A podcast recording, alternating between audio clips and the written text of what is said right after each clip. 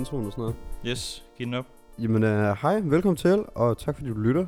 Du lytter til Ironix-stationen, som sædvanligvis snakker om politik, etik, musik, nyheder.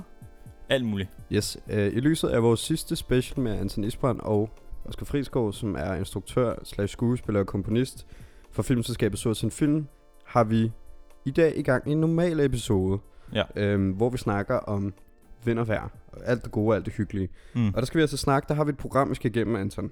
Yes. Og Jamen, det- øh, vi starter ud med noget musiknyt i dag. Så kommer der en anmeldelse af jeres valg. Vi spurgte jer inde på Instagram.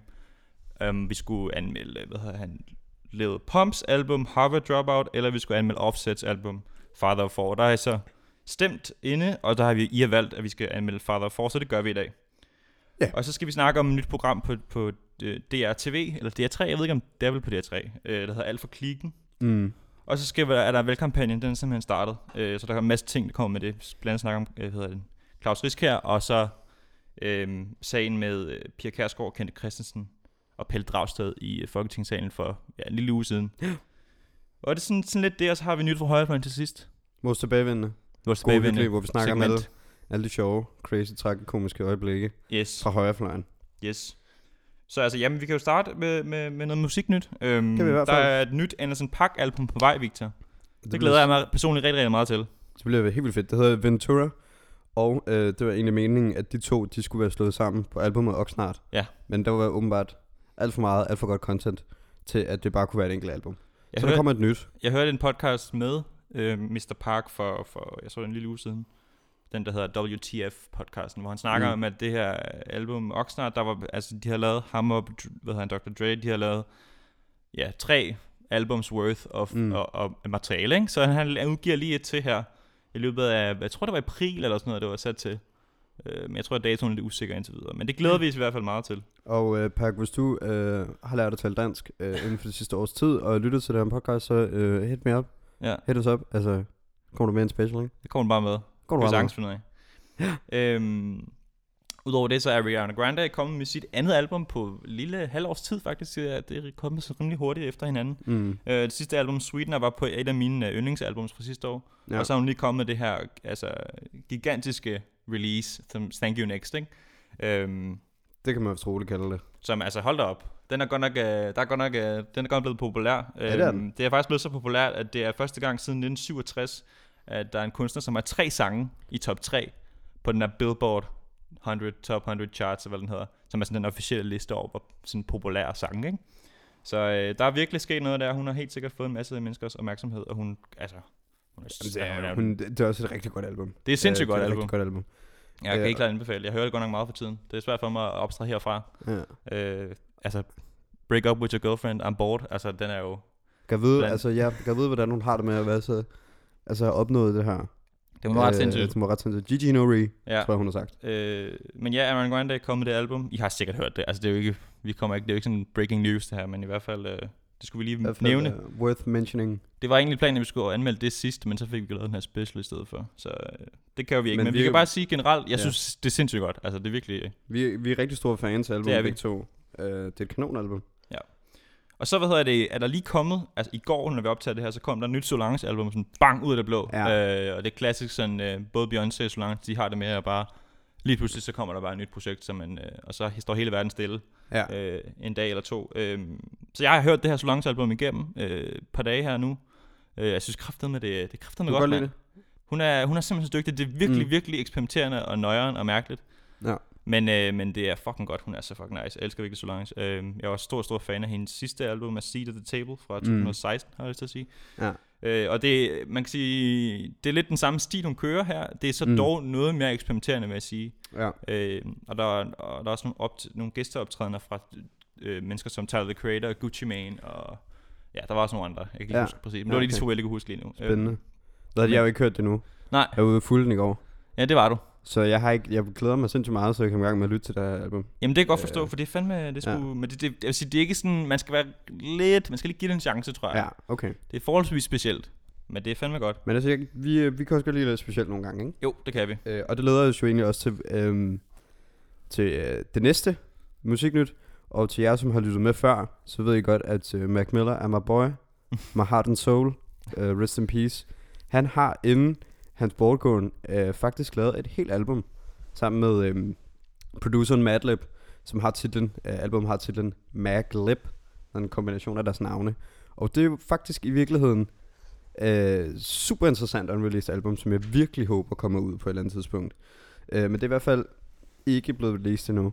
Men det er i hvert fald noget, som, som er kommet på tegnebrættet. Jeg håber virkelig, det kommer ud i verden. Nu må vi se, om det bliver sådan noget. Ja, det, Det glæder jeg mig også til. Virkelig, virkelig. Madlib, som også var øh, producenten på et legendarisk album fra 2004, øh, nemlig ja, et ko- kollaborativt album med MF Doom, mm. Mad Villainy, som er et af mine yndlings hip-hop albums of all time. Kan anbefale, hvis du kan høre det. Øh, så jeg glæder mig også vildt meget til det her. Altså, Mm. det tror det bliver, tror, det bliver sindssygt. Øhm, Og Og så, så- har, ja, ja, så udover har- det, så hvad hedder det, har Lil Pump jo også, som vi sagde i starten, han har også udgivet album. Nå ja, er Øh, rigtigt. Lil, Lil Pump. Øh, Harvard Dropout hedder det. Øhm, og det er jo, det er jo igen øh, øh, den der afstemning, vi lavede på Instagram, hvor, man, hvor, vi kunne, hvor I kunne stemme på, om vi skulle anmelde Father of Four eller Howard Dropout. ja, men det endte med at blive... Øh, Blive med, Father med, of Four. Father for. Men, men jeg kan sige helt kort, Det er jo ikke... Det, det, ja. det, jeg, jeg synes ikke om, øh, om Howard Dropout. Jeg vil sige, jeg, jeg, jeg synes, det er lidt bedre. Ej, det vil jeg vil sige. Jeg, jeg synes, det er, hvad kan man sige, det er forventeligt i forhold til, hvad det er, Lil Pump, han ligesom laver. Det, så er der er, sød, ikke? det der er, man kan sige, han har, man kan høre på produktionerne på det album der, at han har fået lidt flere penge, eller lidt, flere ressourcer til rådighed. Ja. Øh, så det lyder lidt mere, lidt mere poleret måske, i, forhold til noget af det andet, selvom det stadigvæk er virkelig rowdy og virkelig altså out there på en eller anden måde. Øhm, altså, men, Lil, Pumps uh, Howard Dropout, det er Lil Pump album. ja, det, Der er, ikke, der er ikke så meget med i det. Hvis man kan lide Lil Pump, så kan man nok også godt lide Howard Ja. Dropout. Ja. Men jeg er ikke så stor fan af Lil Pump, så derfor så er jeg ikke så stor fan af Howard. Ej, Jeg synes heller ikke, det er super duper, men altså det, det, er sådan, det er tilpas dumt til, at det er godt på en eller anden måde. Så det, det, det har sådan- nogle gode øjeblikke. ja, det, men det er jo, ja, ja, det synes jeg også, ja. Øh, og så har vi, vi, både Victor og jeg har rimelig meget optur over, at det ved han, Denzel Curry, som øh, kom her i efteråret med den der øh, ret vanvittige, fantastiske album, der hedder Taboo. Han har lavet cover af Rage Against the Machines Bulls on Parade, yep. som hvis man ikke kender Rage Against the Machine, det er sådan noget, ja, det er næsten metalmusik, ikke? Jeg tror, Altså noget new metal. New Metal øh, snakkede med vores metalkender forleden dag Mm. om. Øhm, og det, men det er, det er jo, det er jo en hiphop på en måde, øh, men det er bare så sindssygt hårdt rock samtidig, og det, Ja. er, og det er meget sådan uvent, uventet, øh, kan man sige, øh, cover også, men Denzel Curry, han løfter opgaven for sindssygt. Det er, ja. altså, jeg hader almindeligvis rock sådan, for det meste af tiden. Jeg synes, det er for sindssygt det her. Altså, det er så sindssygt lavet. Men han, har også, øh, han har sit eget vers øh, inde i øh, coveret, faktisk. Ja. Øh, så har han sådan en passage, hvor han har sit eget sådan lille kick-in øh, Okay. rap, rap vers, som ikke er med på, på altså, den originale Bulls Ja. Parade. Men det er jo meget sjov fortolkning, fordi at han, han growler jo nærmest. Ja, ja, Øhm, der, og, det, der, og det gør, det gør, det gør de jo ikke, uh, Rage Against the Machine jo ikke på, på Bulls on Parade. Så det er en ret interessant uh, måde, han har lavet det på. Det jo lidt en fortolkning af sangen, uh, og han formår jo ligesom at gøre det til sin egen. Og det synes jeg er et sindssygt uh, stort stykke arbejde. Man kan også godt høre på den Curry på den her sang, at han ikke, det ikke er en genre, som han først lige har stiftet bekendtskab han er med. ikke uvandt i det Han der. har ligesom den der, den der Ja. passion, eller den der ild der, Ja. som man ofte hører kunstnere have, når man hører metal. Altså nu er jeg ikke selv øh, øh, kondensør på området overhovedet, men jeg synes virkelig, at, øh, at han klarer det godt, og han, ja. han formår ligesom at øh, have meget integritet med sig i sin fortolkning af, af vildt. sangen. Helt altså det virker øh, på mig super overbevisende og appellerende, Ja. også selvom at det måske ikke er altså øh, så vendt i genren. Nej, jeg synes også, når man hører, hvad hedder den originale version ved siden af, så han tilføjer bare helt vildt meget til, til Ja, den. altså, virkelig, virkelig. Øh, øh, godt gået. Og der er sådan en YouTube-kanal, der hedder sådan noget Rock Reacts, eller sådan noget, som jeg følger, som er meget sjov, med sådan nogle, med to metalheads. Og så hører de har ligesom gennemgået sådan et forløb, hvor de hører alt muligt hiphop. Øh, men de er ligesom originalt er store sådan metal-fans, ikke? Ja. Og så er de ligesom reactet til, den her, øh, til det her cover her, og de synes bare, det er totalt fedt, og de er totalt Ja. på røven over det. Så det Ja. siger også lidt om, man kan sige, kvaliteten af det her cover, ikke? Han har fået god medvind af folk, som ved rigtig meget om det. Ja, også folk, som jeg mig, altså selv er fans af, mm. Af genren, ikke? Så det jeg anbefaler herfra, hvis du er Denzel Curry-fan, eller hvis du er hip-hop-fan, eller hvis du er rock-fan, eller hvis du er fan af alle tre ting, så øh, giv den op. Yes, og så skal vi til vores øh, anmeldelse. Uha. Som sagt var det, endte det jo med at blive øh, Father for Offset øh, fra jeres øh, afstemning inde på Instagram. Øh, jeg tror, jeg tror, at den vandt med sådan noget 60-70 procent, så det var sådan en relativt stor mængde af jer, der hellere ville have Offset. Øh, Ja, altså lad os lige stick to the facts. Father 4 er et album, som varer 57 minutter. Ja. Der er 16 sange på. Ja.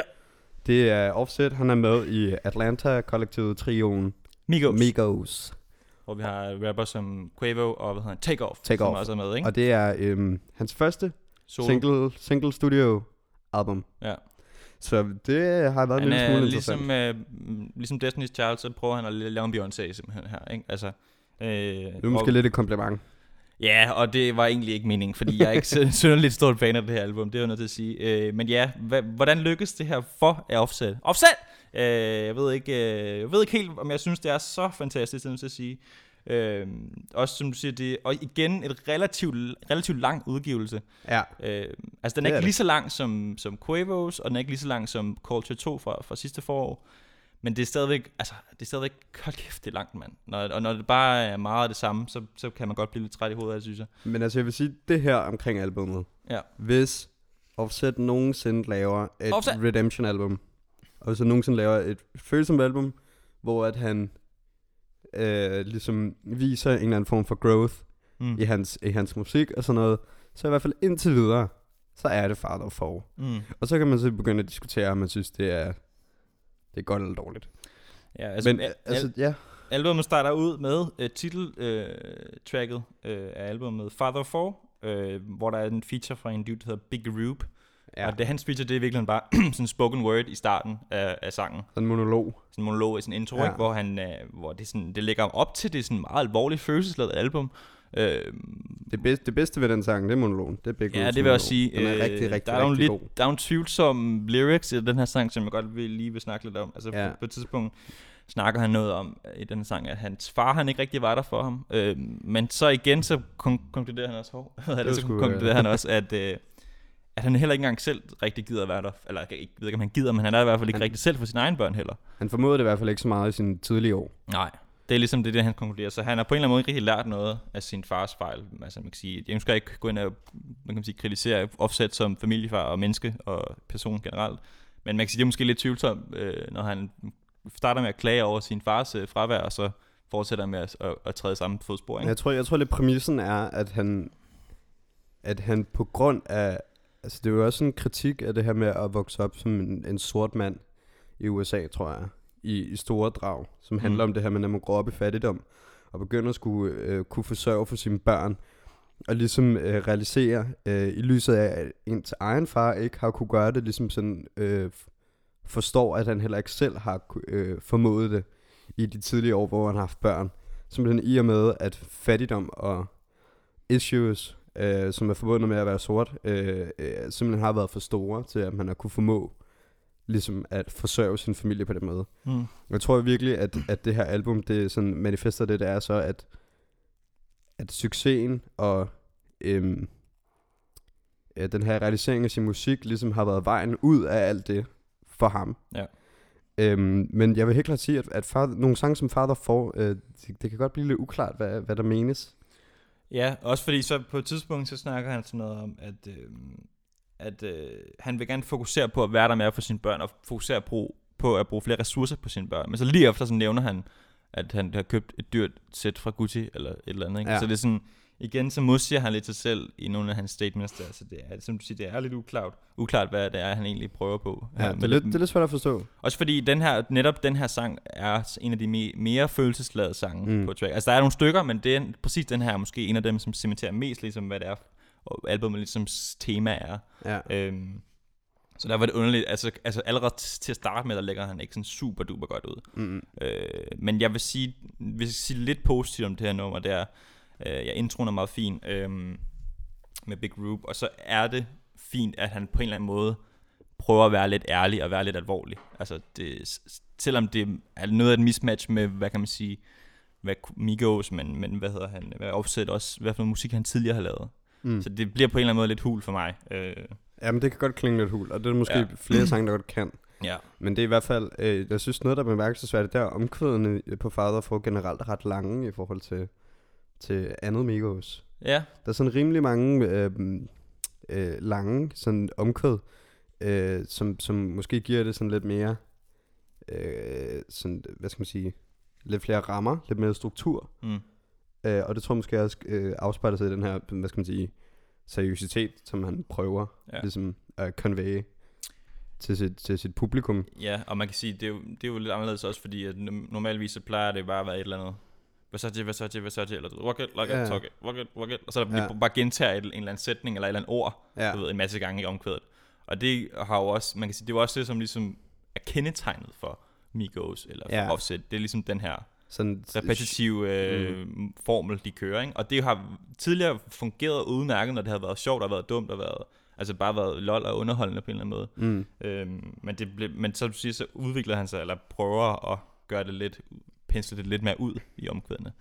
Altså, jeg ved ikke, jeg synes, jeg ved ikke, jeg synes det skulle det er underligt, underligt noget. Det er noget at sige. Men alligevel så for, øh, forbliver han også ved de her, ved de her sådan rimelig tætte bars, øh, korte bars, Ja. sådan hele vejen igennem. Og jeg ved ikke helt, hvad jeg synes om det, fordi at hvis, man, hvis man virkelig prøver at understrege personlig udvikling, så, så, så virker det lidt underligt, at der er nogle elementer, som er lidt anderledes, så nogle, som er 100% som de plejer. mm. Altså man kan sige, if it ain't broke, don't fix it, men jeg synes bare, det virker en lille smule, øhm, som om, at man vil noget af vejen, men man går ikke helt vejen. Ja. agtigt. Ja. Det synes jeg er lidt ærgerligt. Ja, og så har vi et, et nummer, som, som jeg godt, som jeg måske er mit yndlingsnummer på pladen, som Cloud med, med, med, med hans kone, øh, Cardi B. Cardi! Cardi B. Øh, som, øh, som er sådan et, et beat ret fedt. Det er sådan en klaver, mm. Mm. som kører, sådan en klaverloop, der ligesom kører, som, som lyder meget, meget fedt. Ja. Øhm, og det er egentlig et meget fedt emne, det her. Den sang handler ligesom om, hvad kan man sige, folk, der, altså, folk vil gøre hvad som helst for at, mm. at Mm. få lidt cloud, altså få lidt popularitet, få lidt omtale, få lidt, øh, lidt buzz. Øhm, Det handler også meget om det her omtale, de selv får Ja. i forbindelse med cloud. Så det Ja. er sådan lidt det her sensationsjournalistik, tabloid-agtige Ja. kritik af det. Ja. Altså den her måde, at man, at man bruger deres navne for ligesom at, at komme eller anden nyhed, frem for ligesom at sige noget om artisten. mm, Uh, det, lige synes præcis. jeg, det synes jeg er meget sjovt, og det er måske egentlig også en rimelig presserende um, issue, som der er mange kunstnere, der har. Synes, det er en sjov måde, at de, um, at de vælger at tage tyren med hornene på. mm, Man kan sige, det er måske lidt ironisk, at, at i lyset af, at de lige er, at, at de lige er kommet sammen igen, så laver han en sang, som er rimelig, giver rimelig meget cloud, hvor de snakker om, at folk, folk gør alt for hvad som cloud. helst for noget cloud, ja.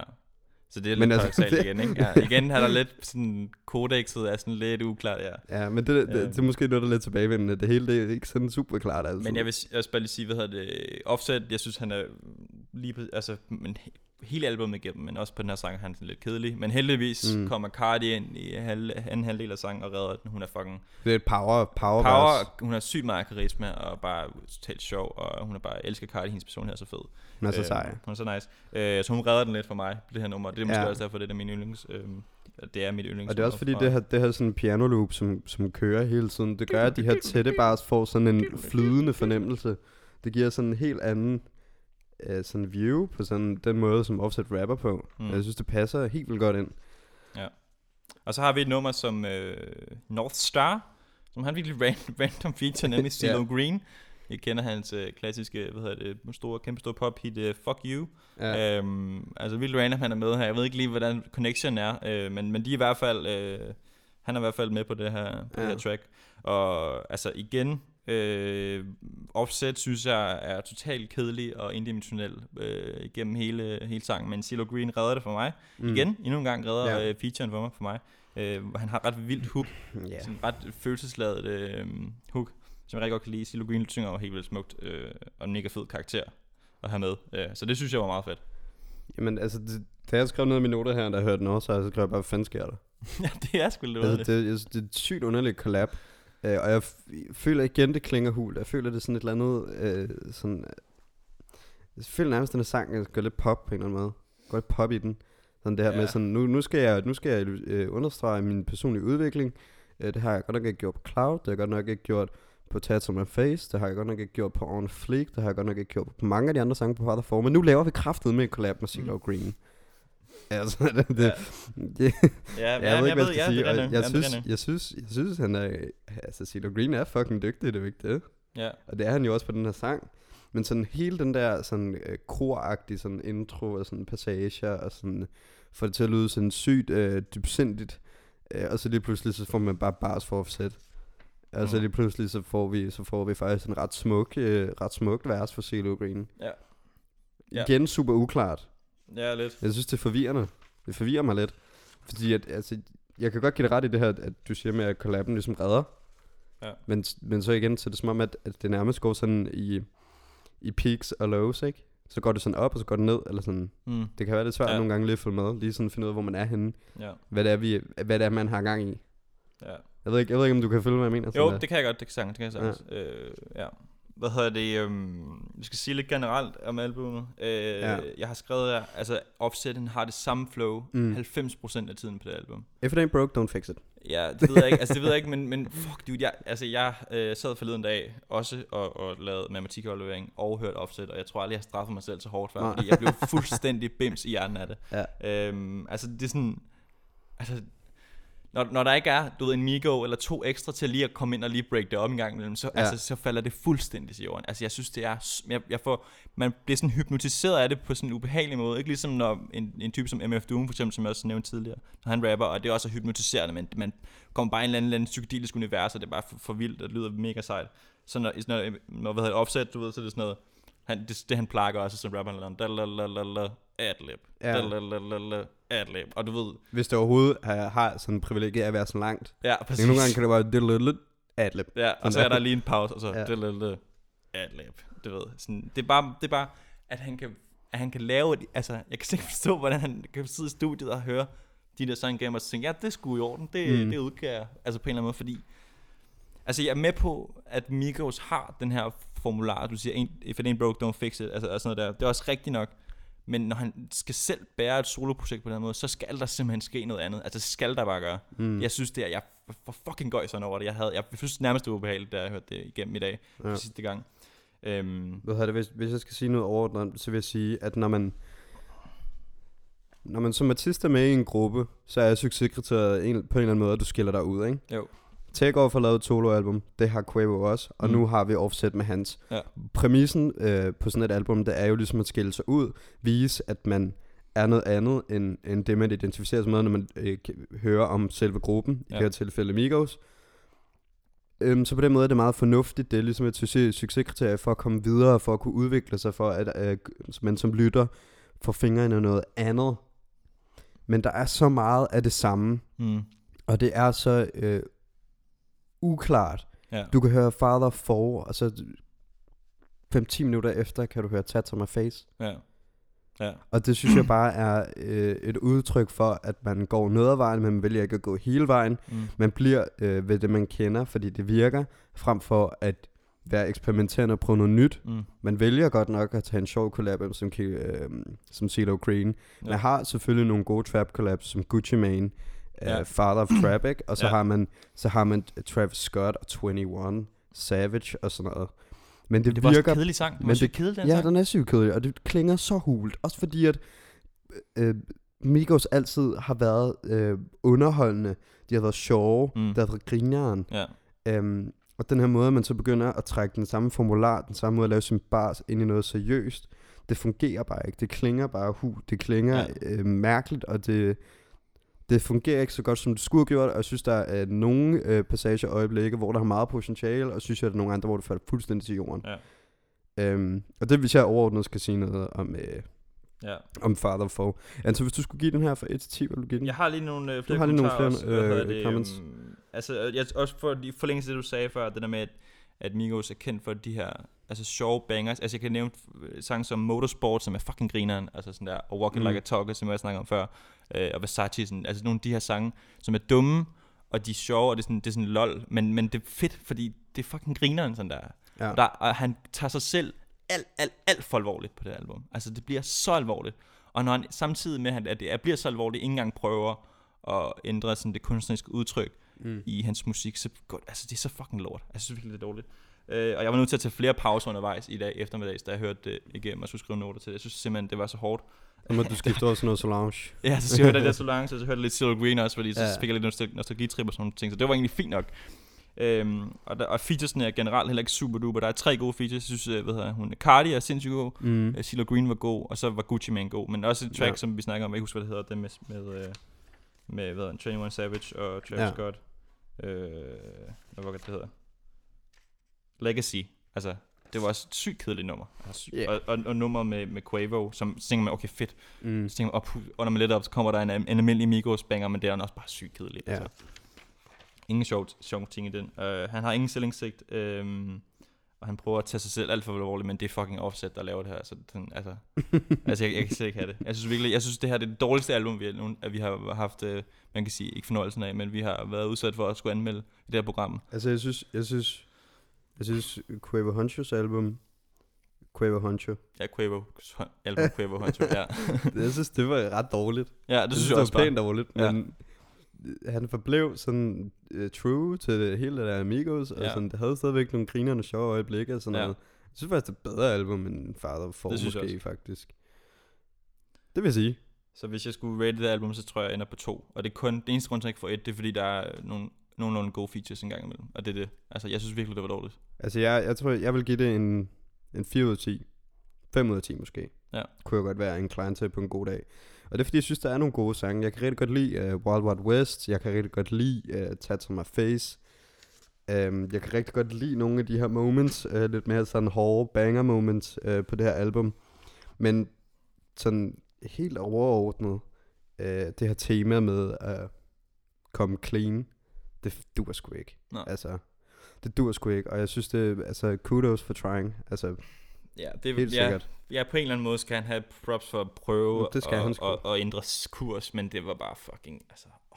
Det var, og jeg ved ikke, jeg læste lige her tidligere, at uh, High Snobiety, som er sådan et magasin, faktisk anmeldte dem ret godt. Uh, det gav dem 3,5 ud af 5. Uh, og jeg kan måske godt lidt se, hvor det kommer fra, men jeg er bare ikke enig. Men han er også, jeg tror også, Offset lige nu, han er sådan piker lidt, også fordi der har været alt det her med Cardi og alt det der cloud, som, som mm. Selv, øh, ikke sige kritiserer på albumet, men der har, han er piker ligesom i popularitet lige nu. Fordi han er, laver det her soloalbum, og der har været alt det der med, at han bliver gift med Cardi B og får et barn med hende og sådan ting. Så han, han, han er også ligesom meget i mediernes søgelys. Ja.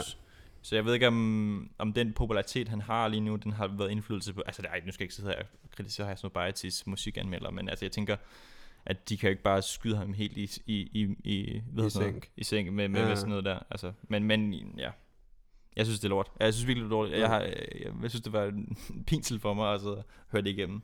Men Øh, så ved jeg ikke, så synes jeg bare, vi skal lægge det på hylden måske. Ja, men lad os gøre det. Nu bliver det også lidt dårligt humør. øhm, men det kan være, det kommer til at fortsætte det om lidt, fordi at... Øhm, det var, ja, det var alt for musik for den her gang. Øhm, Yes. Nu skal vi snakke om noget fjernsyn, Victor, vi har set.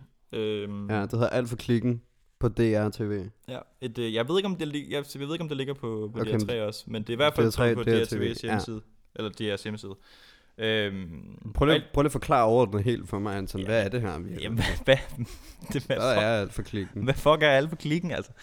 Det er... det er et program om nogle mennesker, der går gymnasiet. Nogle unge mennesker, der går gymnasiet. Og Det er et reality-program. ja, det er det jo på sin vis. Altså, jeg tror, de sigter igen efter noget... Altså, de, det som vi snakkede om også inden i programmet, at de sigter efter at lave noget fjernsyn i øjenhøjde med nogle unge mennesker, ikke? Altså, og så er der en masse unge mennesker, der går i gymnasiet, så der er en kæmpe målgruppe der, ikke? Der, kom, der er sådan på det sidste kommet rigtig mange øh, serier og sådan noget på DR, som er sådan meget ungdomsorienteret, ikke? Mm. Jo, lige præcis. Øh, Ja. most noticeably øh, Doggy Style. Ja, den var nemlig god. Ja, den var altså, den, god. Men det var også en fik, altså fiktionsserie, ikke? Ja, men Nu det har, er vi det den her, serie. nu har vi den her, den her nye serie her. Jeg ved ikke, hvor mange afsnit der er, men jeg har set det første afsnit. Jeg ved Der er ikke, et om- afsnit indtil videre. Det er også indtil videre. Øh, og det handler om... Altså de første afsnit har vi, følger vi, jeg tror vi er tre, tre gutter, eller tre, to gutter og en gutinde. Ja. Øh, en, en pige, som er, kommer fra en kristen familie og øh, er formand for elevrådet og snakker til skolen en, foran alle, hele skolen en gang imellem. Mm. Øh, og så en ung fyr, som, og som, jeg kan ikke huske, hvad han hedder, men han er... Øh, Han er sådan en del af sådan, øh, den her vennegruppe på 3-4 drenge, ja, hvor at han øh, øh, gennemgår sådan nogle issues, fordi han har svært ved at score piger. ja, Og så har vi ham, den anden fyr, som er sådan fodboldgud, øh, har sit øh, squad af boys, Mm. og som øh, er faktisk ret ked af det, fordi at han øh, for nylig har slået med sin kæreste, og en af hans venner har kysset med hende. men det lyder som om, at han havde lavet lidt skidt ras, inden de slog op. Ja, han har lavet lidt skidt ras inden. Øhm, Det bliver ikke, øh, men, sådan altså man kan sige, programmet handler bare lidt om dem. Altså sådan, Ja. der er ikke, altså der er ikke sådan det større, der er ikke en større sådan mening med det.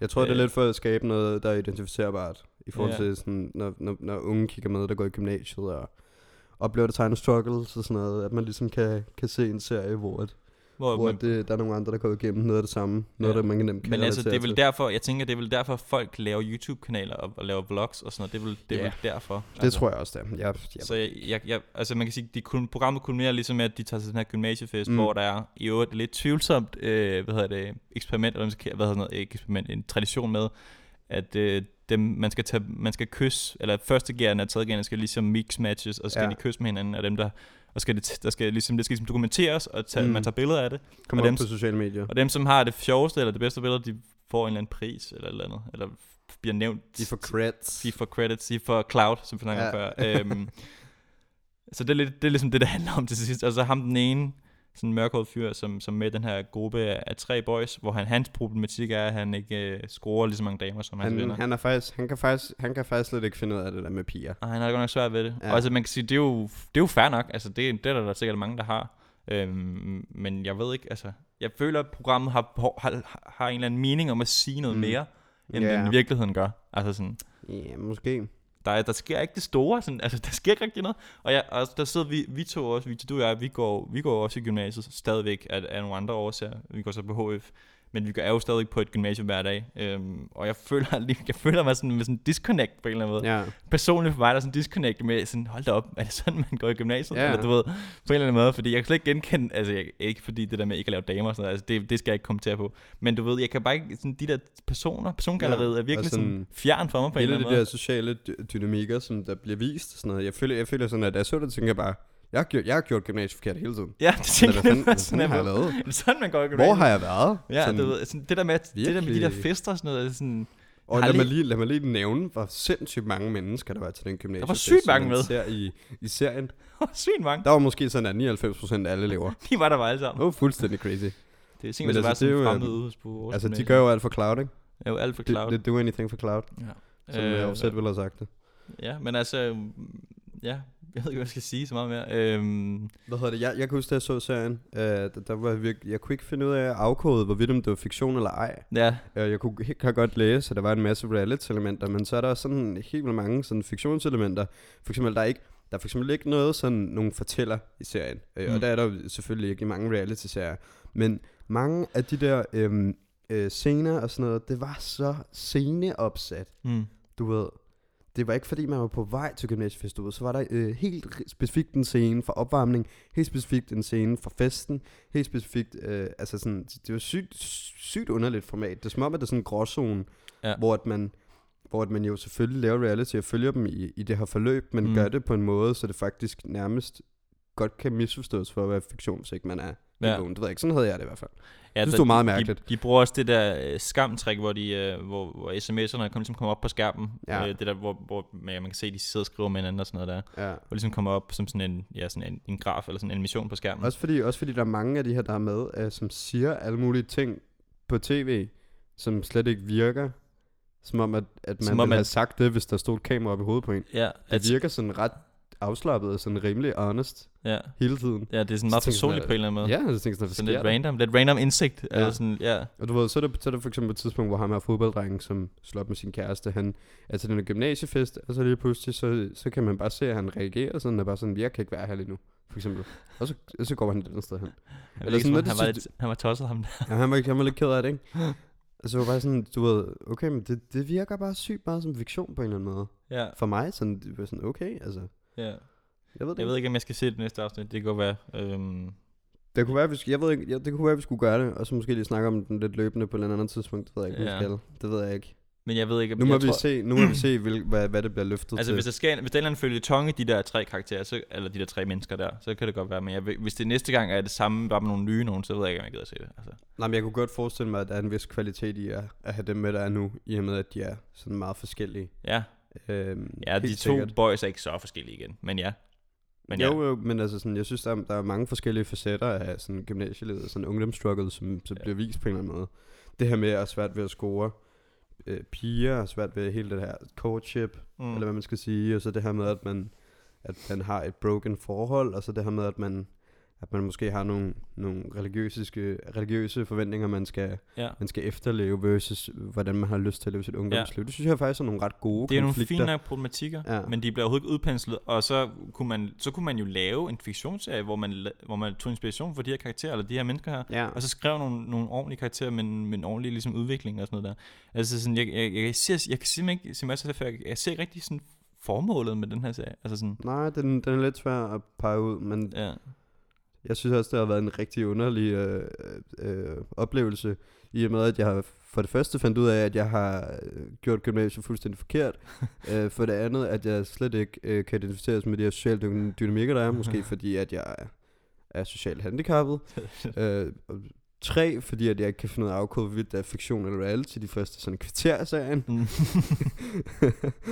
og fire, fordi det hele det virker så, så, øh, så underligt, sådan et formalt koncept. ja. Måske det er sådan lidt refreshing på en eller anden måde. Opfriskende sådan. Det kan godt være. Ja, Jeg ved det ikke, jeg havde lidt, hvis- jeg havde lidt svært ved sådan lige at forstå det hele. Men nu må vi jo se, hvad der sker i episode 2. Jo. Ja, jeg sige. jeg ved ikke, om den er op nu. Øh, det kan godt være.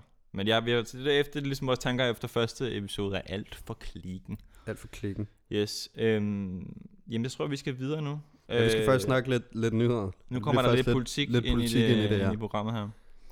Fordi at valgkampen er startet, det, det er lige op over, eller ikke man kan sige, der er jo et valg, skal senest komme ind den 17. juni, eller sådan noget, tror jeg, det ikke? Jo. Og så er der noget med, at øh, der er nogle bestemte datoer, hvor det ikke kan være, fordi der er et Europaparlamentsvalg, og der er nogle andre datoer, hvor det ikke kan være, på nogle andre årsager. Men Så- altså, helt sådan i bund og grund, så er politikerne gået i valgmode nu. Fuldstændig. Altså, Altså- og der er også, øh, udover det, så har vi jo også nogle, øh, nogle der er simpelthen nye partier, der stiller op, ikke? Altså, vi, vi, mm. vi skal, i dag skal vi snakke lidt om Claus Riskær, øh, som han stiller op i, med sit eget parti, Claus Riskær partiet, eller parti Claus Riskær Pedersen, jeg kan ikke huske, hvad det hedder. Det er et meget Øhm. specifikt øh, navn. Og jeg, jeg ved ikke, jeg tror, jeg fik en follow fra dem på Instagram forleden dag. Jeg er ikke sikker. Jeg har skrevet til ham på Twitter, han har ikke svaret mig, Claus Riskær. Øh, så hvis du Nej. hører det her, Claus, så må du godt lige øh, vende tilbage. Clausen. øhm, jeg ved ikke, om det var en fake profil, det kunne jeg ikke helt afkode, fordi det var et ret sådan billede, Ja. der passede til og sådan noget der. Nå, men det er også lige meget. Altså i hvert fald så er der sket rigtig mange ting øh, Ja. i politik lige på det sidste. Vi har taget det sjoveste og mest underholdende. Øh, måske også sådan lidt sørgeligt, det ved jeg ikke. Ja. Vi har taget de mest bemærkelsesværdige øh, begivenheder, der er sket ud til jer, kære. Ja. lytter. Øh, så det kommer blandt andet til at handle om ja, Ja. den gode Claus. Claus Riskær Pedersen, han vil gerne i Folketinget, og han har før øh, siddet i Europaparlamentet i en gang i 80'erne, men så skete der så nogle ting for Claus Riskær, som er derfor, at han er så kontroversiel en type i dag. Mm. Øh, han har nemlig afsonet straf to gange øh, for svindel, øh, økonomisk svindel. Øh, han har både været afsonet i Frankrig og i Danmark, øh, og så derudover skylder han en masse penge ja. til skat. Han skylder 4 millioner til skat, så vidt jeg ved. Det, det er en lille chat. det er jeg ikke helt sikker på, at det er det rigtige beløb, men det bliver der nævnt på et tidspunkt i debatten. Øh, ikke, ikke i den her uge, men sidste uge igen. Mm. Øhm, så altså, nu vil han stille han op med sit eget parti, øh, og, og ser ud som om han har nogenlunde chance for at komme i Folketinget under partiet Claus Riskær Pedersen partiet. Ja. Øhm, men øh, men jeg, jeg vil også bare lige sige, jeg så, jeg så som sagt, jeg så debatten ikke i, i, tror jeg, torsdags med sidste gang, hvor det handler om, at, øh, er der tid, eller er der plads til de nye partier, eller Mm. altså, hvad, hvilken indflydelse skal de have, og hvordan, hvordan skal det ligesom ske her? Ja. hvor han er med, og han ligesom er inde, og, det, og han, det, altså meget af tiden handler om ham i det program. Og det Mm. første, jeg har lyst til at sige halve time, 40 minutter, så handler det nemlig om Claus Riskær, om hvorvidt han skal ligesom have lov til at stille op. Ja. Øh, fordi der, der, det er jo, det er jo tvivlsomt, netop fordi han har afsonet straf, og han, er, han har en kriminel ligesom, øh, fortid, men også bare så undervejs i programmet, sådan der, hver gang, at nogen nævner det, eller ligesom stiller spørgsmålstegn ved, altså kan det nu passe, at Claus Riskær skal i Folketinget, når han har tidligere været kriminel, kriminel, og kan vi så stole på ham, og kan vi stole på, at han tager du ved, øh, opgaven alvorligt, og du ved, han kan leve op til ligesom, de her, hvad man kan sige, etiske krav, der er til at være politiker. Ja. Selvom at den bare er meget lav. Altså hold op, den er lav. Sådan generelt, som man kan sige. Men det er jo alligevel en, en interessant snak. Øhm, men han, hver gang han ligesom bliver spurgt ind til det her i løbet af, debatten, så er han sådan, altså han er bare et glat stykke sæbe. Han er ikke til at, at få en ordentlig udtalelse fra. Nej, ikke rigtigt. Han bliver ved med at sige sådan noget med, at hvor så siger øh, Cle- Clemen Christensen siger til ham på et tidspunkt, Claus, er det rigtigt, at du har begået kriminalitet, eller et eller andet, ja eller nej? Og du ved, så prøver han alligevel at slange sig udenom om, om spørgsmålet flere gange, og han svarer aldrig rigtigt på det. Du Men ved, altså til hans forsvar selvfølgelig lige sige, at det faktisk bare er en del af det samme generiske bullshit, som kommer fra politikere, når de får stillet de her nej spørgsmål. Ja, ja. Er det ikke det? Jo, jo, Altså, jo, jo, lige præcis. altså, Altså, det, men det er jo også bare for at ikke, sige, øh, også for at vende tilbage til det, sagde før, altså, at den der bar, den er meget lav. Altså, Ja. Jeg, og det er også sådan, hvorfor, altså er det så ikke egentlig okay alligevel på en eller anden måde, at der er plads til en type som Claus Riskær? Han virker som om, han har i hvert fald nogle mærkesager, som skiller sig lidt ud, måske. Ikke sådan super duper meget, der er noget med noget skat Mm. og nogle andre ting. Øh, men han har alligevel, jeg føler godt, han kunne have en plads i Folketinget. Øh, men det er rigt, altså det er klart, at det er lidt sådan, altså det er sgu lidt underligt. At, Ja, altså jeg kan godt mærke, at vi begynder at gå over i noget etik nu, ikke? Jo, det er, det er, det er etik, ikke? begynder at nærme os her, ikke? Hvad Øhm. hedder det? Hvad, altså, synes du, at han skal, han skal have lov? Jamen, det, jeg synes, det synes svært, også fordi, altså, fordi som jeg ser for barn for, man kan sige, hvad er moralsk eller etisk korrekt som menneske, og så kunne være, ligesom stille op i Folketinget, den er ret lav. Altså, jeg føler ikke, jeg føler, altså, der er jo mange typer inde i Folketinget nu, som jeg sagtens så ude øh, af andre årsager end deres politik. Altså, mm. jeg, så kan jeg jo godt finde, så synes jeg godt, man kan finde plads til Claus Riskær. Men hvis man ser sådan helt overordnet på det, så burde han jo ikke. Altså, på en eller anden måde burde det jo ikke. Nej, men det er jo også bare, muligt. hvis han er, altså... Jamen, altså jeg vil sige, okay, umiddelbart, sådan lige for at komme back to basics, så vil Ja. jeg sige, at når man for eksempel bliver straffet for noget, Ja, når man for eksempel får en dom, ikke? Så Ja, pointen, pointen, ja, den har fået. Pointen ja. er, at når man så øh, begår noget kriminelt, så tager man sin straf, og så er det jo i princippet det, ikke? ja. Det er, Ja. Man har fået sin straf, man har afsonet, man har, øhm, ja, man har zonet for det, man har gjort forkert, ikke? Afsonet. mm. Så på den måde kan man jo sige, jo, så er det vel fair nok. Jo. Anden side så kan man sige, han er en svindler jo. Ja, han er sygt Han er en svindler. svindler, han og han lyver, og han er fuld af lort. Ja, han er rimelig meget fuld af lort. Øhm. Øhm, jeg synes sgu, men altså, ja, der er jo sådan, sikkert også så mange andre toxic mennesker i politik, ja. som, som snyder med et eller andet andet, uden at vi ved det, er nogen af os. Nej, ja. Altså, vi, altså Lars Løkke Rasmussen altså, har jo den der lykkefond der, hvor han Ja. har modtaget, øh, Ups. efter sine har modtaget penge fra fiskere og, og folk inde i fiskeribranchen, og for at, du ved, fikse lidt lidt, med nogle øh, lovgivning og sådan noget, ikke? Altså, du ved, der er jo sygt mange tvivlsomme mennesker, og bare vores egen statsminister, ikke? Altså sådan, Mm. så, så ja, hvis Claus Frisk har stille op, så skal han vel i princippet have lov til det. Altså, Men altså, det er også det der med, at så må folk jo bestemme. ikke? ja. Er det ikke det, Jamen, det, det er handler folk det handler om jo. at få nok stemmer og sådan noget. Men han, men han får jo nok nogle stemmer. Men det er jo også bare problematisk, hvis man bare er en svindler, og så bare får nok stemmer, fordi man bare siger lort. Ja, han, han, han, Altså- han er lidt ligesom, altså han bliver sammenlignet med Donald Trump og sådan noget. Det synes jeg Ja. måske er lidt groft, altså fordi han er alligevel ja. væsentligt mere vanvittig. Men altså, så kan man sige, at han er en dansk udgave af Donald Trump, måske. Ja, det er det, er folk siger, vattet, vattet, Det, sådan det, er lidt, det, er, det er lidt vattet sagt, men, men, han, men han er jo, repræsenterer jo alligevel på en eller anden måde, det, eller man, han kan sige, han får os til at stille det spørgsmål, som, det er det, der er interessant, altså han får os til at stille det spørgsmål, hvad forventer vi i virkeligheden af vores folketingsvalgte, øh, eller vores folkevalgte politikere? Altså, Ja, hvad, jeg synes, hvad, jeg, synes, hvad for nogle krav har vi til dem? De er måske ikke så høje igen. Altså, hvis Claus Rikker kan komme i Folketinget, så er det Men måske det er måske også meget fornuftigt, at man så ligesom tager den her debat, Ja, og sådan virkelig begynder at reflektere over, Nå ja, men altså, så prøv at tænke på, hvis man er dygtig nok, og egentlig bare lidt af, har lavet muligt fjol og ja, snydt og gjort og bedraget og alt muligt. Så hvis man bare er dygtig nok, så kan man bare stille op politik. Så. ja. Eller, Ja. er, det sådan, er det sådan, det skal være? Ja, Eller det- hvad? Altså, det det er det det er meget interessant. Det er det til Det vil vi jo lade være op til jer, kære lytter, hvad I synes om den kære, kære Claus. I kan i hvert fald gå ind og læse om hans valgprogram inde på hans hjemmeside. Øhm, der står alt muligt. Øh, det kan jeg anbefale. Det er ikke, han er ikke sådan helt idiot, når det, altså han er ikke sådan vanvittig som nogen fra for eksempel en type som Pernille Vermund, eller andre, som stifter nye partier og ved Folketinget. Mm. Men altså, han er jo, som, som vi siger, han er jo lidt en, altså hans person er jo virkelig kontroversiel, ikke? Det er Ja. ikke så meget hans politik. Øh, men ja, det er klart, så skal jeg på vej i Ja. Folketinget. Øh, der er valgkampen er for alvor skudt i gang, og vi kommer nok til at dække en masse af det, eller i hvert fald nogle, nogle ting, nogle ting indimellem her på, i programmet også. Mm. Øhm, og hvis der kommer valg lige pludselig, ja, så ved jeg ikke, hvad fanden vi gør. Skal vi have bikset et eller andet program sammen, tænker jeg. Det må ja, vi finde et, valg, et valgprogram. Valgprogram, eller snakke Eller- med en eller Ja. anden. snakke med en ungdomspolitiker eller eller andet. Det, det tænker jeg, vi godt kunne finde på, ikke? Ja, det Har kunne være helt vildt spændende. Øhm, Hvad Men ja. det? Vi bliver jo faktisk lidt i politik, Jørgen. ja, det Lidt bliver endnu. politik. Og det er fordi, at øh, Kenneth Christensen Bært, han sagde i Folketinget Ja. her for lidt siden, Ja. at muslimer, dem kan man simpelthen ikke integrere. Ja.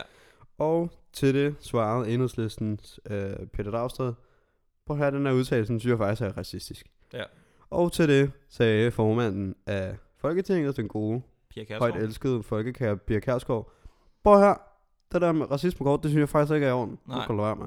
Nu er I basically det, hun sagde. Ja, Øhm, og det har skabt så meget storm. ja. Det har Det har været det virkelig. over det hele. Og har det har virkelig. sikkert set det, øhm, nu når jeg lytter til den her episode også. Ja. Men det er en rigtig kontroversiel Ja, hændelse. man kan sige, man kan sige, hvad hedder det, Pia Kjærsgaard bliver jo ligesom, hvad hedder sådan noget, øh, hvad hedder det, man, hvad siger til, man tænker om Pia Kærsgaard, at hun misbruger sin magt Mm. som Folketingets øh, formand, fordi at hun står og forsvarer øh, Kenne, hvad hedder han, Kenneth Christensen Bært, som er jo øh, Som også er tidligere DF'er. parti Ja. øh, kollega, eller hvad sådan noget Ja. her. Øhm, så hun er måske lidt farvet, og det skal Folketingets formand ikke være. Mm. Hun skal repræsentere Folketinget og ikke have politisk, hvad kan man sige, øh, indblanden i, ja. Ja. i hvad der foregår inde, inde i Folketinget. Øh, så det er jo der kritikken ligesom ligger, ikke? Altså jeg vil Øhm. lige, øh, inden vi begynder at snakke sådan til den case, så synes jeg faktisk, det er lidt interessant at tænke på, at en udtalelse, som øh, måske for nogen er rimelig racistisk, det er ikke det, der er nyheden. Nej, det er ikke det, der er nyheden. Det, det er meget sjovt, det er meget sjovt, det er ikke det, der er nyheden. Nyheden er, at, øh, Det er at formanden for Folketinget dækker, øh, eller forsvarer sine egne frem for andre Ja. partimedlemmer. Ja. Det synes jeg bare lige skal tænke over. Bare Ja. lige sådan et øjeblik. Ja, altså ja, fordi Ken Christensen siger jo, at det er muligt, at, det er krop umuligt simpelthen at integrere muslimer. Det kan man bare ikke, og det har bare sig hver gang på gang, at det kan man bare ikke. Altså. Det duer ikke, Og det er jo sindssygt sagt. Men, men, men, og det er jo derfor, ved han, øh, Pelle Dragsted, Mm. øh, han ligesom pointerer det, og synes, det er noget, noget vanvittigt at sige. Han siger et eller andet med, at, øh, at, at selvom han har været siddet i Folketinget i mange år, så overrasker det ham stadigvæk, øh, hvor, hvor voldsomme udtalelser folk på højrefløjen kan komme med. Og så kalder han det så racistisk, ikke? Og det er der, Pia Kærsgaard griber ind og siger, hov, det må man ikke sige i Folketingssalen, bla bla bla, et eller andet. Mm. Så ja, øh, misbruger hun sin position, altså det, som folketingsformand, øh, og efter, ligesom i øh, kølvandet på alt det her, så har øh, Radikale Venstres øh, politiker, Senja Stampe, har skrevet et opslag på Facebook, det er altså en kæmpe sag, der udvikler sig der. Prøv hende der Senior Stampe, hun er ikke glad. Nej, hun her. er, hun er stiktosset, øh, og På hun mener jo Kjærsgaard. naturligvis, også på grund af hendes, øh, hendes hvad hedder det, parti, Radikale Venstre, hun mener selvfølgelig, at, øh, at Pia Kjærsgaard totalt meget misbruger sin magt som, som Folketingets formand. Ja. Og hun lavede så et opslag på Facebook, hvor at, øh, hun opfordrer folk til, eller hvad hedder det, hun opfordrer, men hun, hun siger ligesom, at hun vil gerne have, at øh, Pia Kjærsgaard bliver sat af. Ja. Øh, og hun får rigtig mange likes på det her opslag. Øh, Mm. og Signe Stampe er også sådan en type, som tit er inde på de sociale medier og, og ligger og, og bokser øh, med, med rigtig mange mennesker fra højrefløjen. Hold kæft, hun får meget, altså, hun får tit, hun får dødstrusler dagligt og sådan noget der. Og, og altså, hun har sådan, hun er sådan virkelig sådan en forkæmper for, eller forkæmper imod den der øh, voldsomme højre dreng. Ja. Helt Øh, meget. Så ja, det er ligesom, man kan sige, det der er sket i den her sag. Øh, en ret vanvittig sag, og det er sådan lidt en gråzone, ikke? Altså Pia Kjærsgaard Jo. bevæger sig ud i her. Men altså, jeg vil sige, jeg ved ikke, jeg ved ikke, jeg ved ikke, jeg, jeg, jeg er ikke kvalificeret til at sige, om det er racistisk eller ej, men det er i hvert fald generaliserende, det Det er det. Kenneth øh, Christensen Bært siger, ikke? Mm. Siger nemlig, at en hel gruppe af mennesker, Ja. øh, er, altså en hel gruppe af individer, alle sammen har det fællestræk, at man ikke kan finde ud af at integrere nogen Ja. af dem. Det er jo, det er jo, altså, det er jo sindssygt. Ja, og jeg ved ikke, jeg synes, jeg kan huske det øh, på et tidspunkt, vi var sammen, så der hørte vi den der podcast fra Radio 24 med Hux Bak, og Hux, Hux er det gode gamle folketing. Ja, Ja. øh, hvor at de snakker med ham her, som fortæller om, at han siger, jamen prøv her, det kan jo ikke passe, at formand for Folketinget øh, langer ud efter andre og beskytter sine egne. Nej. Hvis det, hvis, hvis det var tilfældet i, at det skulle forskelsbehandles, så skulle man jo nemlig præcis være øh, strammer over for sin egen, Mm. end for andre, for Ja, ligesom lige at vise et godt eksempel. ikke? Og det synes jeg faktisk er en helt vildt god pointe, det han vil jeg kom også med være en der. god pointe. Øhm, ligesom for at sige, det kan jo ikke passe, at bare fordi, at man, at man, at man har lidt mere magt, eller har mere at skulle have sagt, så man Mm. bare kan sådan vælge, sådan, Nå ja, men det, han, er, han, er, han, er, han er det for ham, Kenneth der. Ja. Så tager, så langer vi lige ud efter enhedslisten i stedet Ja, for, når nu ja. vi har muligheden, ikke? Ja. Hvad synes du, hvad synes du om, om, om hændelsen, hvis du nu var formand for, for, for øhm, det kan godt være, det bliver lidt kontroversielt, men hvis du nu var formand, hvad ville du så sige i den episode der? Ja, Altså, jeg, hvis jeg var formand, så ville jeg jo ikke have grebet ind, kan man sige. Men altså, Nej. Men det, det, det, er også, men det er også noget med, for så, når, hun, når han så, øh, hvad hedder han, Pelle Dragsted påpeger, at. Ja. kommentaren er racistisk, eller udtalelsen er racistisk, så siger Pia Kærsgaard, det må man ikke, det må man ikke høre på, og så begynder Pelle Dragsted så efterfølgende at diskutere med Pia Kærsgaard i stedet for. Ja, og så siger man, Og- man diskuterer ikke med formanden. Og man diskuterer ikke med forhold, og ligesom der det centrale er, at jeg tror, ja. At i og med, at han går i gang med, eller begiver sig ud på at, at prøve at starte en debat med Pia Kærsgaard, som er formand for Folketinget, og det gør man ikke. Altså det er sådan en regel, det gør man bare ikke. Nej. Øh, det er der, der problematikken ligger, hvis han nu havde undladt det.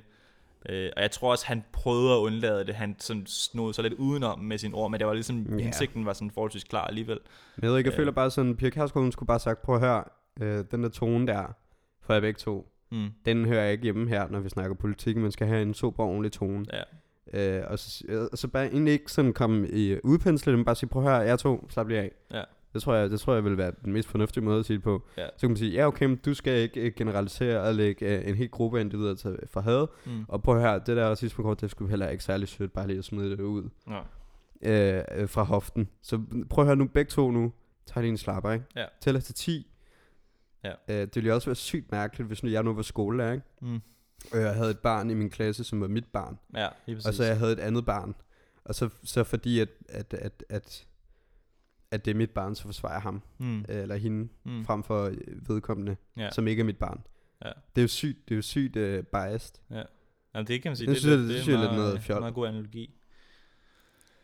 Så ja, Ja. ja, velkommen er for alvor gået med i gang. Ja, Øhm, lad os sige det, lad os sige det sådan. ja, Det er var- hit derude.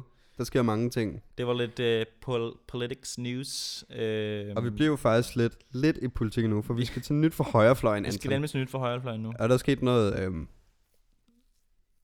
det- jeg ved ikke, om jeg vil sige underholdende. Men der er i hvert fald sket noget hit Der er noget, øh, i nyt for højrefløjen, det vil jeg sige. Ja, der er igen, øh, hvad hedder de, øh, Pernille Vermund ja. og, og, og Nye Borgerlige, de er på vej i Folketinget. Øh, ja. Valgkampen kører derudad. Øh, og de har så været en tur i, i samme program, som det med Claus Riske har de været en, hun været en tur i debatten hos Clement. Ja. Og så står hun på et tidspunkt over for øh, Morten Messerschmidt. Morten Messerschmidt, som er europaparlamentiker øh, fra Dansk Folkeparti. Mm. Mm. Han sidder nede i EU og kæmper imod EU i virkeligheden. Det er også sådan lidt Og spøjs. inden, inden vi begynder på noget, så skal vi lige pointere Morten Messerschmidts frisyre i debatten. Han ser så skarp ud. Han er virkelig, han ligner en engel. Jeg kan godt lide Lidt ironisk, at DF er kaldt en engel. Jeg, kan godt lide Morten Messerschmidt som menneske, men han Ja. er jo vanvittig. Men han er bare så nice, synes jeg. Ja. Uh, han, har Han er jo en dygtig politiker. han er sindssygt og han har ordet i sin magt, Ja. øh, som jeg synes, i, så står meget kontrast til mange andre politikere Mm. fra Dansk Folkeparti. Ikke? Uh, men han er, jeg synes, at han er en idiot, men han er sgu, han er, han er en nok. god idiot, ikke? Han er en god idiot. Ja. Uh, men de er i hvert fald i debat, og det kan man tænke, er det ikke lidt underligt, de to skal debattere, når de ligesom repræsenterer den samme ideologi, eller man kan sige, nej, de Den samme, samme udlændingepolitik. samme værdisæt, den samme udlændingepolitik. Men det skal de altså, og de så Ja. kommer så op, og de har 10 minutter på et tidspunkt i, i programmet, hvor de Det skal er kun bat- de to. Det er kun de to, og de skal battle om hvem. Ja, Hvem der er bedst til ikke at kunne lide øh, muslimer. det, det er sådan, Hvis ikke det er underligt nok i sig selv, så skal vi nok forklare lidt yderligere, hvad der, Der- sker. blandt andet på et tidspunkt i programmet, så snakker Clement øh, om, at han, han nævner nogle ting, som Dansk Folkeparti har udrettet i de sidste 20 år. Øh, det er sådan noget med, øh, hvad hedder det, øh, Alle mulige grænsebom, eller ja. grænsekontrol, og det her paradigmeskift, som lige er kommet. Mm. Øh, og så, øh, øh, hvad hedder hun, øh, hvad vil jeg sige, nu har jeg glemt, hvad jeg vil sige. Øh, Pernille, hun skal ligesom øh, svare på, øh, nej, undskyld, det er den der ø der, det var det, jeg ville frem til. Men, Ja, og så, blandt, så nævner Morten Messerschmidt også den her ø, hvad fuck er den hedder, Lindholm, Lindholm, Lindholm. Ja. ja. som er den her ø, de, den her, vi snakker om tidligere også, tror jeg, i programmet, har vi ikke det? Jo, vi har snakket lidt om øen. Lidt om den, tror Men jeg. det var også sådan der... Vi snakkede også om en anden ø på et tidspunkt. Vi snakkede om den der ø, som de ville bygge ude ved København, Nå, som ja. ikke har noget. Men de vil i hvert fald bygge den her ø, og jeg kan huske, hvis ikke, hvis ikke vi snakkede om det i en episode, snakkede vi i hvert fald om det sammen. Og det var på Ja. det tidspunkt, hvor det var lidt på tegnebrættet, hvor man begyndte sådan at snakke lidt om det. Ja. Hvor vi tænkte, holy shit, det er mærkeligt. Det er ret sindssygt. Altså, altså Ja. for lige at hurtigt skitsere den her sag. Altså, der er den her ø nede ved Møn, tæt på Møn. Der er sådan en lille ø net tæt på Møn, der hedder Lindeholm. Hvor, som at, har, været, har det været et fængsel engang? Jamen, det har været et eller andet i hvert Der fald. har været et eller andet be- beboelse eller bebyggelse derude, som har været sådan til for, at folk skulle isolere sig derude. Ikke? Mm. Og det øh, har regeringen så sat en masse penge efter og, og, og lave det om til et sted, hvor at øh, udlændinge, som kommer til Danmark, som bliver dømt for en dansk domstol, kan bo derude, Inden de bliver øh, sendt inden tilbage. de bliver sendt tilbage til, Til deres respektive de- hjemland, ja. eller inden de kan ligesom, jeg ved ikke. Der er, det er sådan en mellemstadie, ikke? Mm. Og det har været skabt sygt meget kontrovers, fordi at det, er, det har været et strid med sådan nogle flygtningekonventioner og menneskerettigheder og sådan noget. Øh, og det der har været internationale medier og sådan noget. Ja, der har været, det har været over det hele, ikke? Ja. Øh, Og, det, øh, og der er, det, det er der noget med, at der er én færgeafgang om dagen, eller to eller sådan om dagen, så der er næsten en mulighed for at komme til fastlandet og ligesom være i et samfund. ja. Øh, men, det er, men det er bare så vildt, at man placerer de her mennesker ud på den her ø. Øh, men men det, altså det, er sådan, det er ret sindssygt kontroversielt ting, og det er blandt andet Dansk Folkeparti, som har hvad hedder sådan noget, advokeret meget for den her, øh, for den her ø og den her, Mm. det, her, det her koncept. Men, men Pernille Verm, hun synes bare, altså den kommer jeg til, det var så i debatten her, ikke? så Pernille Verm, hun synes bare ikke, at det er godt nok. Altså Mm. det er slet ikke nok. Nej, og det er simpelthen fordi, der er færgeafgang. Der er færgeafgang. De, Så de kan bare tage færgen. de kan bare tage færgen.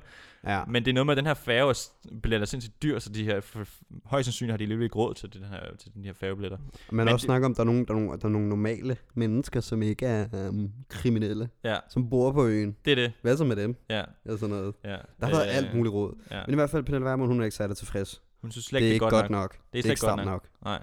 Så spørger Morten Messerschmidt, om det ville være bedre, hvis du boede i Midtjylland. Ja. Øhm, men altså, det sjove af præmissen er jo, at de begge to gerne vil have, at de der øh, kriminelle, de Mm. bare skal ud. Ja. Det er jo ikke det. Men det er sjovt, at der kan være en diskussion om det alligevel. Ja. De er For jo... man kan, sige, man kan sige, jo, men hvis de begge to er enige om det samme, så er en ø vel bedre end ingenting. Jo. Altså i deres sådan optik, ikke? Jo. Tænker jeg. Ja. Jeg ved ikke, det har været lidt underligt. Ja, det var i hvert fald... Øhm, Men altså i hvert fald, I, I lige for at skitse op, den der, det der paradigmeskifte, der er kommet, Ja. det handler jo om, at man øh, efter der blev skrevet under på det her paradigmeskift, begynder at fokusere mere på, at øh, øh, indvandrere, der kommer til Danmarks ophold, skal være midlertidigt frem for varigt. Det vil sige, at der er mere fokus på, at folk skal hjem igen, frem for at de skal have lov til ligesom at blive en integreret del af Danmark. altså, der, der, de skal slet ikke integreres. De skal kun... De skal, når snart det er mulighed for det, så skal de Ja. sendes hjem igen. og det, skal, det, det får man at vide hele tiden. Det er Det det, par- og det er der et flertal for i Folketinget. ja. Øh, og det har blandt andet kun, hvad hedder sådan noget, resulteret i, at øh, fordi Socialdemokratiet også stemte for det her paradigmeskift, og deres bagland er nu ret utilfreds med dem. Nu bliver det meget sådan, hvad hedder sådan noget, Ja, nu bliver det meget dybt Politik, politik. Øh. Men, men, men i hvert fald, det har jo haft alle mulige effekter, den her, blandt andet, at Socialdemokratiets bagland er, vildt, er vildt, blevet vildt sur på dem. ja. Øhm, så Men ja, det er i hvert fald det, der var præmissen for den her debat her, som Ja. der var mellem de to. Og så i virkeligheden, så diskuterede Morten Messerschmidt og, og, og Pernille Vermund, hvem der mindst kunne lide muslimer, og hvem der havde gjort mest for ikke at sørge for, at de havde det godt her. Ja. I virkeligheden. Og det er måske lidt tragikomisk. Øhm, men i hvert fald, så lod det til, at Morten Messerschmidt han var on top hele vejen igennem. Ja, han er Også, også... ja, og det er er også, øh, det er også fordi, at, at, at Nye Borgerlige, de har ikke lyst til at pege på en statsminister, medmindre de har tre øhm, specifikke krav, der skal skrives under på eller opfyldes. fuld asylstop. Ja, Øh, hvad fanden var det mere? Ja, det blev skal lige stoppe på. Ja, det, der var sådan tre sådan ret ultimative krav, som var ret sådan, altså de var, det var ret vanvittige krav, jeg kan ikke huske præcis, Ja. hvad det var. Øh, men de vil, Pernille Vermund og Nye Borgerlige vil ikke pege på en statsminister, medmindre de er sikre sig, at, øh, at de kan få de her ting vedtaget i Folketinget. Øh, så og det er jo en urealistisk, øh, hvad kan man sige, øh, opfattelse, fordi at netop et, et parti som øh, Dansk Folkeparti, som har væsentligt mere indflydelse, ja. End de borgerlige højst sandsynligt får. Øhm, Nå, de, de der krav, det var fuld asylstop, Ja. og så var det, at udlændinge, de skal, øh, altså offentlig forsørgelse skal knyttes til statsborgerskabet, ikke? Ja. Og det betyder altså en enkelhed, at folk, øh, lige som præcis. ikke har dansk statsborgerskab, hvilket selvfølgelig er blevet sværere at få i de senere tider, Ja. de skal bare sørge for sig selv. så De de, kan får ikke. ingenting. Altså, de, De, får kan, intet de, de overhovedet. kan få lov til at bo i en skraldespand. Ja, de, altså får en masse Øh, hjemløse. Altså, det bliver super duper. Og jeg vil, øh, kan godt- godt tænke mig at forestille, hvad det ville gøre for kriminalitetsretter, men det kommer jeg ikke ind på lige nu. øhm, og så siger det, efter første dom, så skal udlændinge, de skal bare smides ud af Danmark. Ja. Det er kravene. Så det er de tre Øh, og krav. præmissen er jo ligesom, at, at, man, at man i stedet for, at, hvis man nu er en lille pige, eller ung teenagefyr, eller ung teenagepige, i stedet for at komme ind i en fornuftig debat med sine forældre, så lukker man sig ind på sit teen- teenageværelse øh, og skriger ind i væggen. Det er meget god analogi. det er en meget god analogi. Jeg flyver med analogier der, Anton. Ja. Det er sådan, det er sådan lidt, uh, som er sådan lidt problematisk med ja. de Ja. her krav her. Ja. Men i hvert fald så ser det ud til, at Pernille Vermund, hun kommer i Folketinget. Ja. Og jeg tror, at Nye Borgerlige får flere stemmer, end man lige umiddelbart skulle tro. Jeg tror, de ligger til sådan noget 3-4-5 procent. Ja, det er altså... Øh, og de tager jo stemmer fra Dansk Folkeparti primært, ikke? Jo. Øh, Det er benhårdt. det er benhårdt. Det er altså benhårdt. Øh, men vi glæder os også. Jeg glæder mig, jeg vil sige, jeg, jeg ved simpelthen ikke, hvad jeg skal stemme på. Jeg har, det, kan, det vil jeg heller ikke sidde og røbe, hvis jeg selv vidste det, men jeg ved det simpelthen ikke. Mm. Det er min problematik lige nu. Jeg glæder mig meget til, at vi kommer valget nærmere. Mm. Øh, jeg tror, det bliver lidt lidt anderledes valg den her gang. Øh, det, bliver, det bliver spændende at se. Altså, der har jo været, for at sige lidt overordnet, der har jo været en vanvittig højdrejning af hele det vestlige kultur de sidste fire, fire år, ikke? Siden Ja, 2015 sådan, ikke? ja. øh, med Brexit og Trump, men så reddede de lige Frankrig med øh, hvad hedder, indsætte Emmanuel- Macron, i stedet for hvad hedder hun, øh, Marie Le Pen. Mm. Øh, så det bliver spændende at se, hvordan det danske, det danske valg det udspiller sig. Jeg tror, det bliver meget interessant. Jeg glæder mig. Jeg tror, det bliver meget interessant. Og det er ikke fordi, at altså, jeg vil ikke øh, så sige, at jeg er en pol- politikhead. Altså, jeg har, jeg har ikke sådan sygt kondensør i, i dansk politik. Nå. Men jeg tror i hvert fald, det her det kommer til at være noget, vi kommer til at dække, og noget, vi kommer til at snakke om, fordi at, hvis man siger, et folketingsvalg har jo indflydelse på, hvilken retning Danmark tager fremover, ikke? I hvert fald Mm. de næste fire år, ikke? Mm. Så man kan sige, det, øh, det bliver interessant at se, hvor mange øh, stemmer den gode Pernille får. Og jeg ikke lige sige, hvis du sidder derude og hører det her, og du stiller op som ungdomspolitiker for enten Dansk Folkeparti eller Nye Borgerlige, så skriv lige til os Ja, vi kunne godt tænke os at, at, og snakke, snak med dig. Altså, ja. vi, har, vi er jo ikke, ikke nødvendigvis fans af, af partierne, men vi vil virkelig gerne snakke med nogen, som er fans af partierne, tror Jeg vil gerne oplyses lidt Jeg på vil gerne nogle, oplyses på lidt nogle også. ting. Ja. finde ud af nogle ting. Ja. Ikke? Hvis du, altså, det er jo det kan jo lidt farfetch måske, men det håber jeg, jeg skulle da gøre. ja, helt sikkert. Øhm, Send en DM på send en vores DM'er. øh, sociale medier. Vi er både på Facebook, og vi er på øhm, hvad hedder det, Instagram. Du kan også ringe til mig. Det er mit nummer ligger inde på vores Ja. Altså, skriv en mail. Helt Godt, sikkert. men jeg tror faktisk, det var det for i dag, Victor. Jeg tror ikke, vi har ikke mere. Nej, har vi har ikke mere på Og programmet. jeg synes sgu, det var, det var godt at komme i gang igen og op til en normal episode. Ja. Uh, næste gang, så kommer vi til at lave endnu et special, faktisk. Ja. Og det bliver uh, med en af mine gode kammerater, Anders uh, Kajat, som er med lige nu som skuespiller i den nye sæson af Den, som dræber, som kan ses på Viaplay. Um, så gå ind og se Lille plug. Ja, Det det er- er, den lille, ligger- den er vi lille sikre- cliffhanger. Den er vi sikre på, ikke? Den er vi 100 på, at den ja, kommer til at ske. det, øh, det kommer til at ske, helt Godt. sikkert.